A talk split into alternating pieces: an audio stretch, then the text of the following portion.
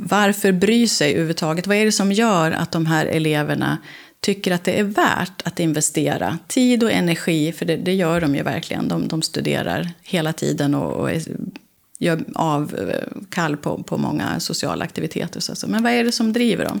Eh, och det vi kom fram till, eh, det var ju att det faktiskt är ganska vanligt med rädsla.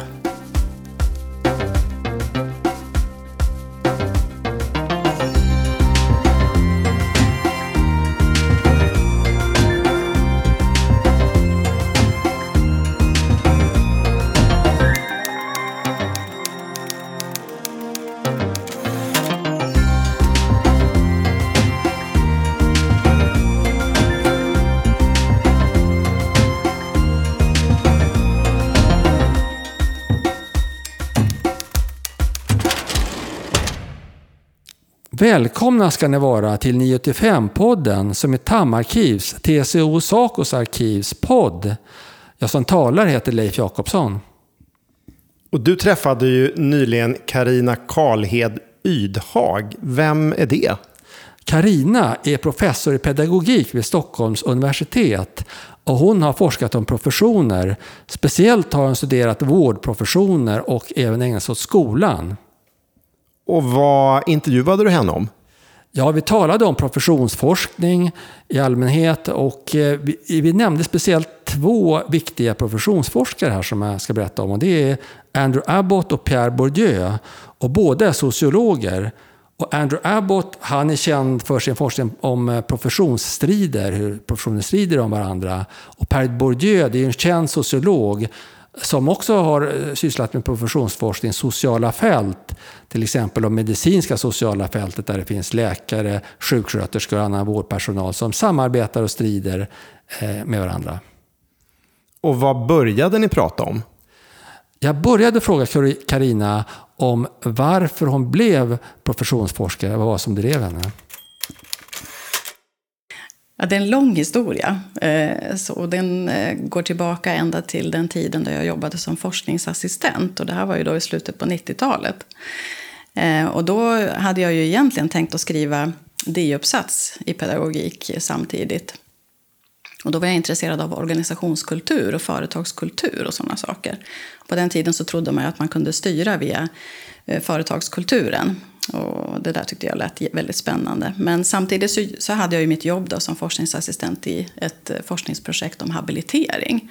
Och habilitering var ju en ny verksamhet som jag inte kände till. Så då fick Vad är habilitering för någonting? Då? Ja, det är ju en organisation som syftar till att stödja barn med funktionshinder och deras familjer så att de får den, den stöd de behöver. Och i de här teamen så, så jobbar ju Ehm, personer med, med, olika yrkesbakgrund. Och det är just det här tvärprofessionella som eh, är unikt för habiliteringsteamen. Då, då. Men i det här arbetet som jag gjorde i projektet eh, så noterade jag att det fanns asymmetrier i de här teamarbetet. Det vill säga att även om man säger att man eh, allas röst och åsikt och kunskap är lika mycket värt så tyckte jag mig ändå se att det är läkar, läkarna som hade tolkningsföreträdet och att det är det medicinska som får företrädet. Och det där fascinerade mig lite grann. Så att när det blev dags, när jag kom in på forskarutbildningen så var jag lite oförberedd på det. Så att eh, jag var inte riktigt beredd på vad jag skulle då ha för avhandlingsprojekt. Så eh, jag fortsatte med habilitering eh, och eh, ja, satt med på teammöten och, och, och sådär. Men så småningom så, så,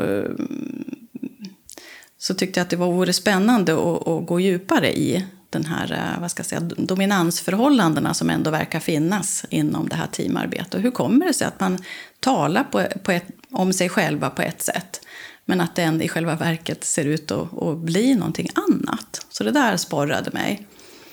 Då... Det, det, var lite grann kanske den här äh, skillnaden mellan ideal och verklighet som det alltid var. Att man har vissa tankar om hur det ska vara. Det blir aldrig riktigt som man tänkt sig kanske. Någonting sånt. Ja, och eh, eftersom jag då gick forskarkurser i Uppsala och eh, fick eh, lära mig om Bourdieus teori eh, så skiljer ju han på självbild Alltså den självbild som vi har och på det sätt vi, vi pratar om det vi gör Och att det kan skilja sig väldigt mot vad som faktiskt händer därför att vi handlar och agerar enligt ett praktiskt förnuft som vi inte alltid liksom riktigt kan styra över. Vad är praktiskt förnuft för någonting då?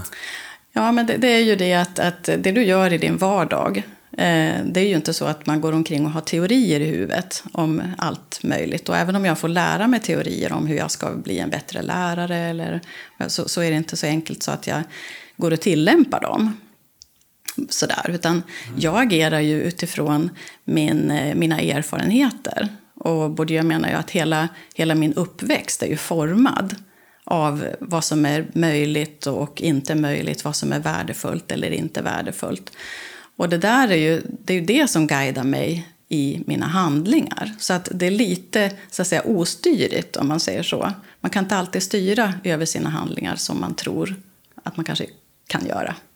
Just det, du menar man, just det, man är omedveten om eh, sin, eh, sina tidiga upplevelser och, och, så, och hur de påverkar en på, ja, och Bourdieu mm, talar ju om premedvetenhet. Alltså det är inte riktigt omedvetet sådär borta. Eh, men, men det finns där, strax under det förmedvetna, Freud talar väl om det förmedvetna? Eller ja, sånt där. Vi kanske ska vara lite försiktiga med parallellerna till psykoanalysen, även om, om Bourdieu så att säga, har några sådana analogier också i sin teori. Men, men i vilket fall som, som helst så, så fascinerade jag mig i alla fall för det här med tolkningsföreträde. Och det verkar finnas en, en, en social, en, både en social och en symbolisk ordning i det här området.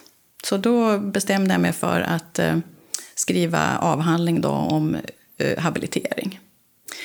Och eh, det som eh, gjorde att, att det blev intressant det var ju eh, en, eh, en promemoria från 1979 där eh, tanken var då att, att man, nu skulle man ordna en samordnad habilitering.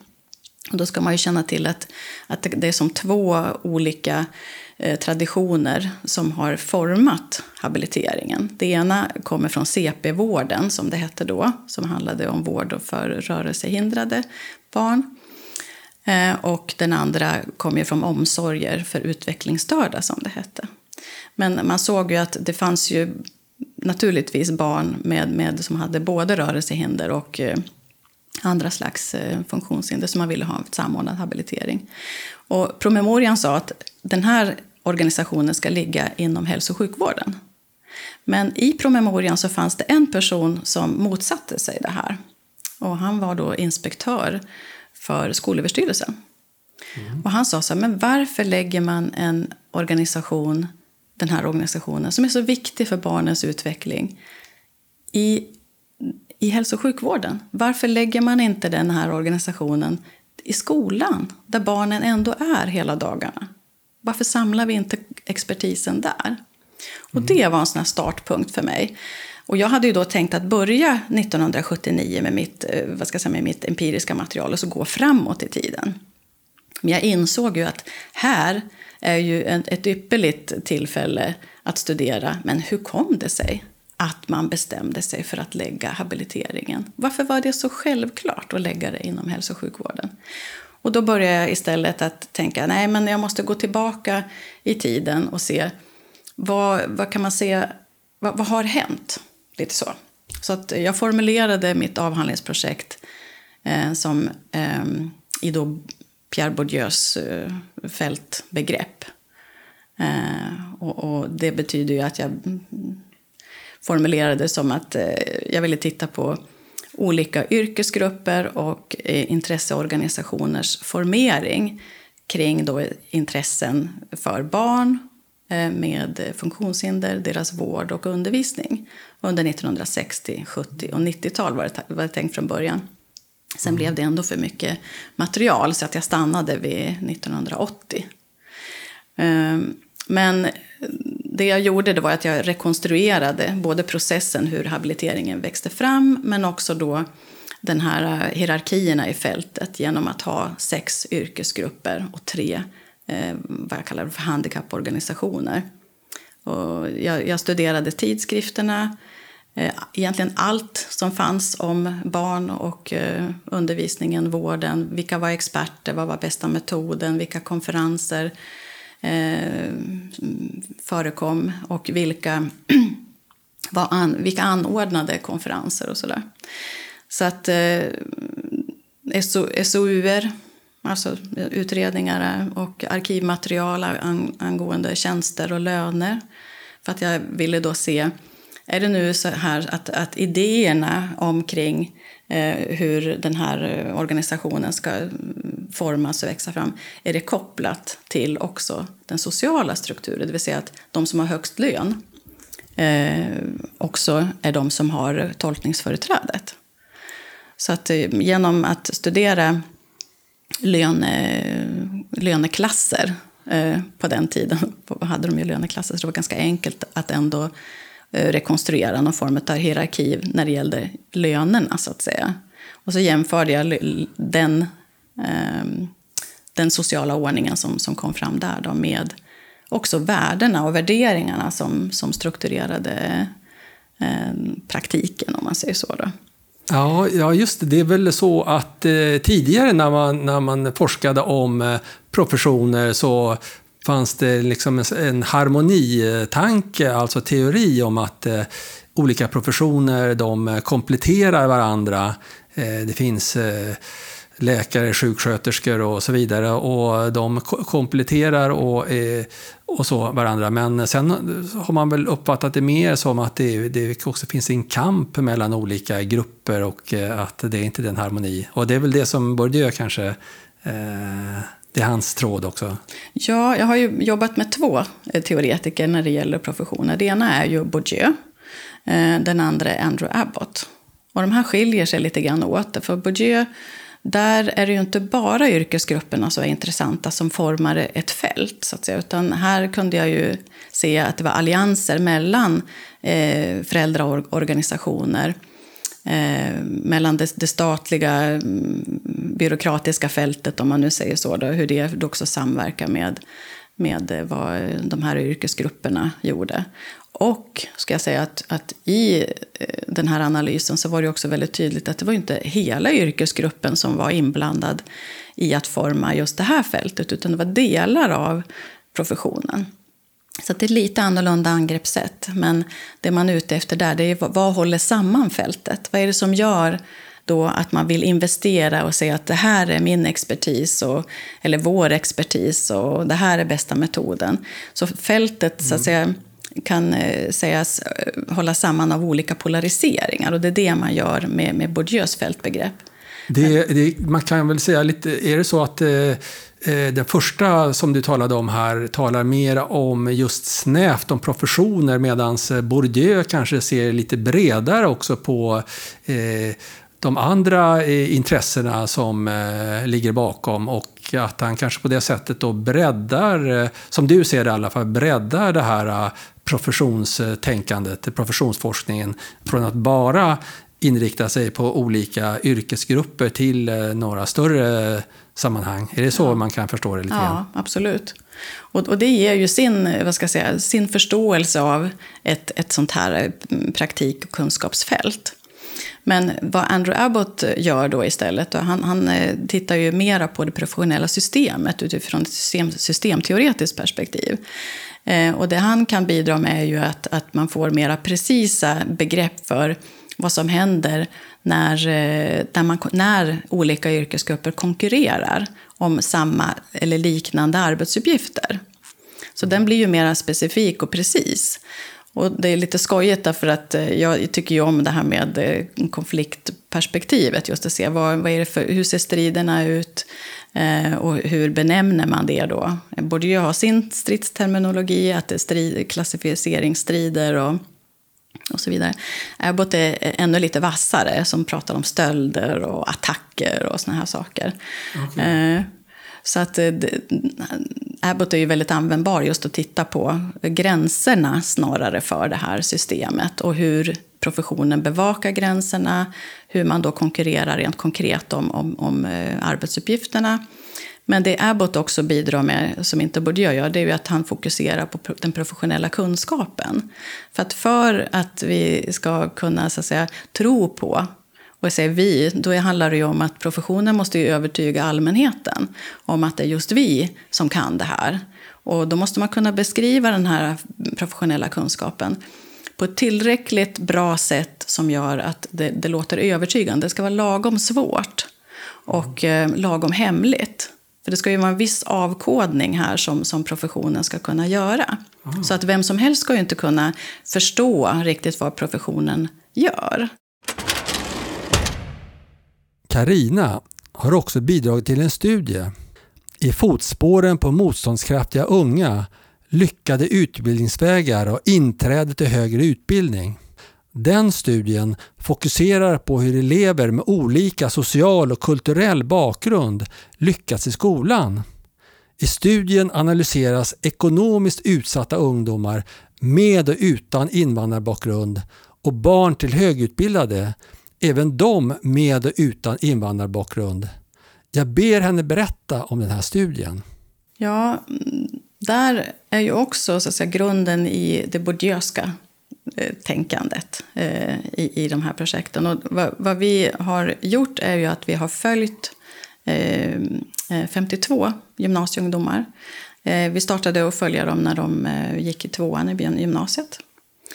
Och eh, det här är då en blandning av ungdomar som vars föräldrar kommer från olika Eh, ställen, både i samhällsordningen så att säga, men också från andra länder. Så vi har en mix av eh, elever som, som har högutbildade föräldrar eller som, som inte har högre utbildning och eh, som både kommer från andra länder och som, har då, eller som är infödda svenskar här i, i landet. Så att vi har både elever med eh, utlandsfödda föräldrar med högre utbildning vi har eh, svenskfödda föräldrar med eh, en lägre grad av, av, utbildningskapital. Men det vi har gjort det är eh, att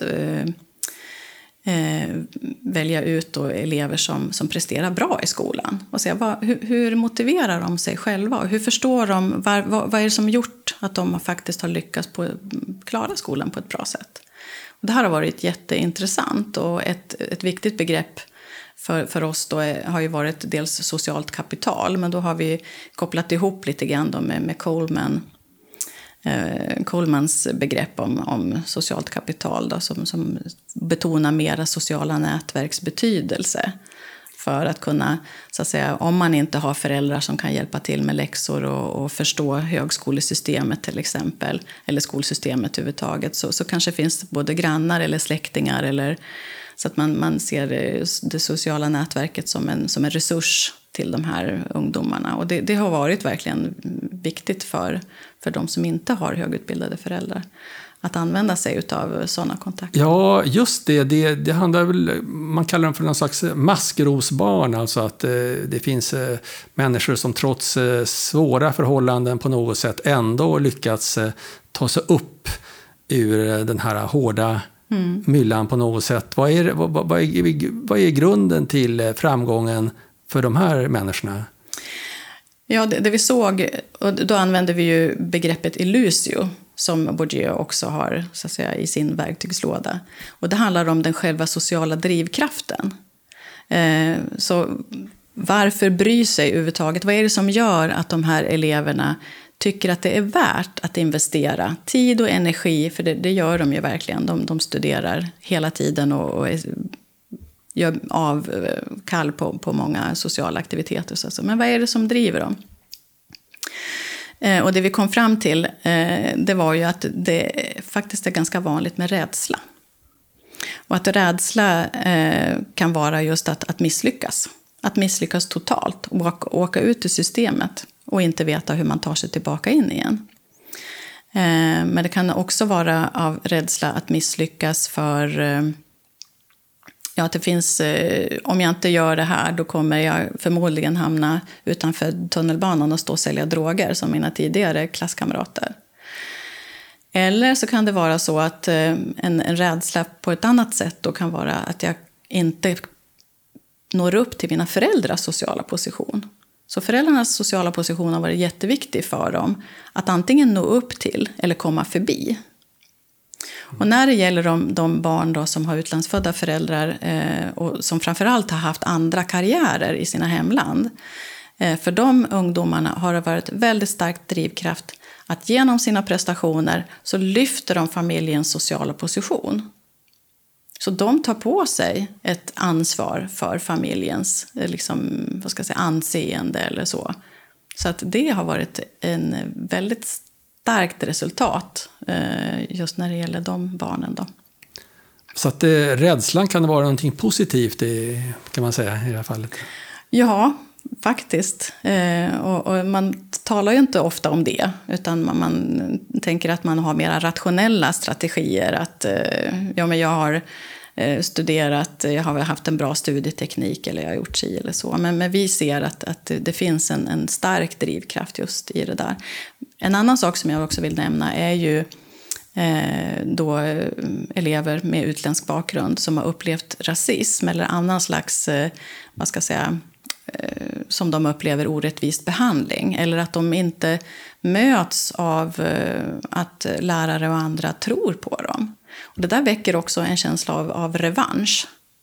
Så att man vill visa dem att jag kan, de ska få se. Så det är också en stark drivkraft att ta sig framåt. Sen blir ju en fråga om men hur länge räcker en sån här energi? För att vi ska också veta att för de här ungdomarna som inte har högutbildade föräldrar, de måste ju söka sig andra vägar, de måste söka sig an, få annat stöd. Och där är lärarna, skolan jätte, jätteviktiga. Eh, eh, för de andra då som har föräldrar som kan hjälpa till med läxan och som kanske också där hemsituationen är stabil, du har ett eget rum, eh, du får sitta i fred när du gör läxorna och det, din tillvaro är ganska förutsägbar. Och så kan man jämföra det med andra ungdomar då, som kanske inte ens har eget rum eller där det är bråk och stök hemma. Eller, eller så så att de, de har ju mycket, mycket tuffare. Eh, den här forskningen som ni har bedrivit då, eh, om de här maskrosbarnen, hur man lyckas trots svåra omständigheter, så eh, kan man säga att har ni några liksom, goda råd här till, eh, till skolan eller till eh, myndigheterna eller till föräldrarna eh, om hur, hur, man, ska, hur, hur, man ska göra, så att säga? Har ni någon? Ja, har ni kommit till några slutsatser här? Ja, det, det, finns ju lite olika saker. Man kan säga så att till, till de föräldrar som inte kan hjälpa sina barn med läxorna så har vi i alla fall eh, kunnat konstatera att det är jätteviktigt att man ändå visar genom sina handlingar och det man säger att skolan är viktig. Och eh, jag vet från en intervju från eh, projektet så, så berättade en mamma att hon hon kunde ju inte hjälpa till med, med läxorna, men, men däremot så kunde hon eh, avsätta den finaste platsen i vardagsrummet. Så att där fick man inte sitta om man inte hade gjort sina läxor. Så att man kan alltså stödja barnens eh, skol, skola på, på flera olika sätt. Men det andra är ju också då det här med, med det sociala nätverkets betydelse. Att eh, vi, vi, förstår det, att, att det här är eh, ett, ett viktigt stöd för, för barnen då, som inte har eh, den här hjälpen hemifrån. Eh, och som jag nämnde då det här med att skolorna, eh, lärarna framför allt, att, att vara någon som ser eh, de här eleverna. Att, att se eleverna och också tro på dem och ha höga förväntningar och förhoppningar. Det, det känner ju eleverna av, om, om läraren tror på dig eller inte. Mm. Och sen kan det vara så att bara genom att diskutera ämnet, det har vi också hört flera gånger, eh, eleverna berätta om att jag blev intresserad av det här ämnet därför att min lärare var så engagerad. Och kunde dröja sig kvar också efter eh, lektionstiden. Eller finnas tillgänglig för de här frågorna. För att det här är också någonting viktigt att eleverna som inte kan ha, ställa frågorna till sina föräldrar måste kunna ställa det till lärarna. Så att de berättar att de ställde frågor till läraren gång på gång på gång på gång tills jag förstod hur det, hur det fungerade. Mm. Så det var jätteviktigt det här med att finnas till och tro på eleverna och, och förstå att man, man gör ett jätte, jätteviktigt jobb för de här eleverna.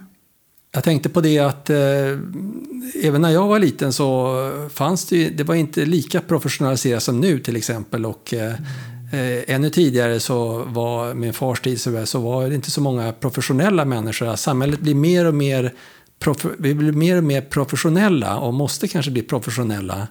Eh, för att klara oss i eh, arbetsmarknaden. Men vilka konsekvenser tror du det kan ha att samhället, om samhället blir mer professionaliserat? Hur kan det, ett sådant samhälle utvecklas tror jag egentligen? Jag ser inte som att det skulle vara så, så negativt egentligen. Jag ser ju att det handlar ju om att vi under en lång, lång tid, om man tittar historiskt tillbaka i tiden då, så, så har vi ju specialiserat oss eh, på många sätt och vis. Och det är fantastiskt egentligen att tänka sig att hur specialiserade vi är. Eh, men det som är är ju då, vad ska jag säga, att, att hitta den här bra balansen mellan då, vad ska jag säga, tillit till professionen men att professionen förstås inte kan göra som de vill.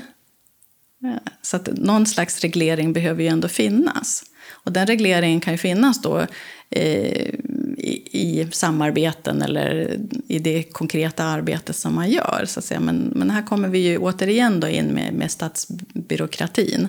Att eh, eh man måste ju förhålla sig till till, eh, till riktlinjer och regler och lagar och såna här saker. Eh, så att, eh, men det får ju inte bli för mycket byråkrati heller. Utan det, det finns ju också en tendens att det efterfrågas mer körscheman och checklistor. Att det ska vara effektivt och allting ska kunna gå och beskriva då så här specifikt. Och det där är ju en utmaning till exempel för professioner som som håller på med, med, med långsamma processer eller sådana som, som, som pågår under lång tid och är, är mer komplexa. Professioner då som har en, en väldigt kort loop, det vill säga här är ett problem, eh, det beror på det där och här finns det några åtgärder och nu så har vi också möjlighet att göra den här åtgärden. Då kan man visa effektivitet och det på något vis är bra för allmänheten men politikerna och för andra att säga att wow, det där var ju en, en bra profession. De, de verkar nyttiga och effektiva. Fast de kanske har då problem som, som är av sån karaktär. Akuta, som är snabba att åtgärda och de har själv möjlighet att, och, så att säga, ha makt över åtgärderna. Jämför det med lärarna till exempel som ju har en betydligt svårare eh, ska säga, utmaning, utmaning till att beskriva vad är professionella kunskapen här och vad mm. är det för någonting som sker när en elev lär sig till exempel. Mm. Den går ju inte att beskriva i en sån här kort loop, utan här handlar det ju om att ta, hand, ta ansvar då för elevers hela bildningsprocess. Och någonstans så kommer man in som, som lärare någon gång eh, i elevens utveckling så att det har jag visat i mina studier att, att det handlar ju om eh, eh, en, en, mycket svårare situation. Och, och, man behöver inte heller gå till en annan yrkesgrupp. Man kan titta fortfarande inom medicinen. Om man säger så här, för den biomedicinska paradigmet var ju betydelsefullt just för att läkarna skulle kunna skaffa sig ett heartland, ett, ett väldigt säkert område där man är oantastbara. Eh, men om man tittar då på samhällsmedicinen, om man säger folkhälsa, så då kunde det vara så att visserligen så, så kan man eh, förklara vad som är problemet eh, genom statistik och kunna visa att det här är en folkhälsoproblem eh, till exempel. Men att man inte har möjlighet att eh, åtgärda detta. Därför att åtgärderna ligger på andra nivåer. Det kan ligga hos politiker. Och tittar vi jättelångt tillbaka i tiden och så jämför lasarettsläkarna med stadsläkarna till exempel. Mm. Så behövde ju stadsläkarna övertyga eh, kommunen eller eh, staden då att vi behöver ändra på, vi måste få bättre dricksvatten här. Ja, just det. Men det är det jag tänker lite grann, att det, det blir en slags eh, fragmentering av kunskapen också. Att, att man liksom man, man, man, specialiserar sig på en, på en viss sak och den här generalisten kanske eh, kommer i kläm på det sättet att eh, människor som kan lite av varje eh, har svårare att ta sig fram i ja. ett sånt samhälle som är väldigt professionellt på något sätt. Ja, jo men det, det absolut. Och, och, att, eh, alltså risken är att vi, vi får eh, den här effektivitetsidén, så att, säga, att, att vi ska vara så effektiva och kunna prata om det på ett eh, sånt sätt så att man Eh, så att säga, ja, ska visa styrka. Så. Men att det finns ju de, de långa processerna och de mer komplexa utmaningarna som vi har i samhället. Och där har vi alltså uppfostran och eh, bildning av de nya generationerna. Det är mycket, mycket svårare. Så att det, och det glömmer man. man. Man jämför sig oftast eh, med, med de här starka klassiska professionerna. Och sen säger men, ja, men hur kommer vi dit? Ja, fast vi måste inse att, att det är olika villkor från början. Och det måste även politiker förstå. För att eh, om man tror att, att professionen i sig själv ska kunna göra att man höjer sig i status, ja, då, då har man inte förstått vad professionell expertis och hur, hur, hur de här professionella fälten fungerar. Och det behöver vi mer utav, att förstå helheten och förstå hur, eh, hur olika så att säga, samhällsuppgifter kräver olika professioner. Ja, ja, så du tror på eh, professionsforskningens framtid i alla fall? Att det absolut, ja. absolut. Och eh, nu har jag ju tittat bakåt i tiden. Och så kan man säga att eh, ja, men det du har studerat det är ju så långt baka i tiden så det, det gäller ju inte idag. Men jag skulle säga att eh, saker och ting förändras långsamt i vårt samhälle. Så att här finns det också strukturer som finns kvar sedan medeltiden. Organisationstraditioner till exempel. Ehm, så vi behöver förstå det också. Att vi kan inte tänka hur nytt som helst. Utan eh, det finns en, en historia som vi behöver känna till för att kunna agera också i vår samtid. Leif, på vilket sätt har den här intervjun koppling till TAM-arkivs verksamhet? Ja, vi på TAM-arkiv har ju arkivhandlingar och fotografier kopplat till olika professionsgrupper, till exempel läkare, lärare, ingenjörer och sjuksköterskor. Och där kan man ju se hur professionerna utvecklats genom decennierna och vilken roll som deras professionsorganisationer har spelat. Och Det här är ju någonting som borde intressera eh, professionsforskare och studenter på våra universitet och högskolor. För det här det är ett växande fält. Och vad var det du tyckte var mest intressant som ni talade om under intervjun? Ja, jag tycker nästan att det är det här med Pierre Bourdieu och hans eh, teori om att vi agerar ju utifrån våra erfarenheter, alltså vår klassbakgrund, våra föräldrar och så vidare. Och att eh, det här är vi inte helt och hållet medvetna om. Men eh, vi agerar inte utifrån några abstrakta teorier om hur verkligheten är utan vad vi har varit med om i våra egna liv.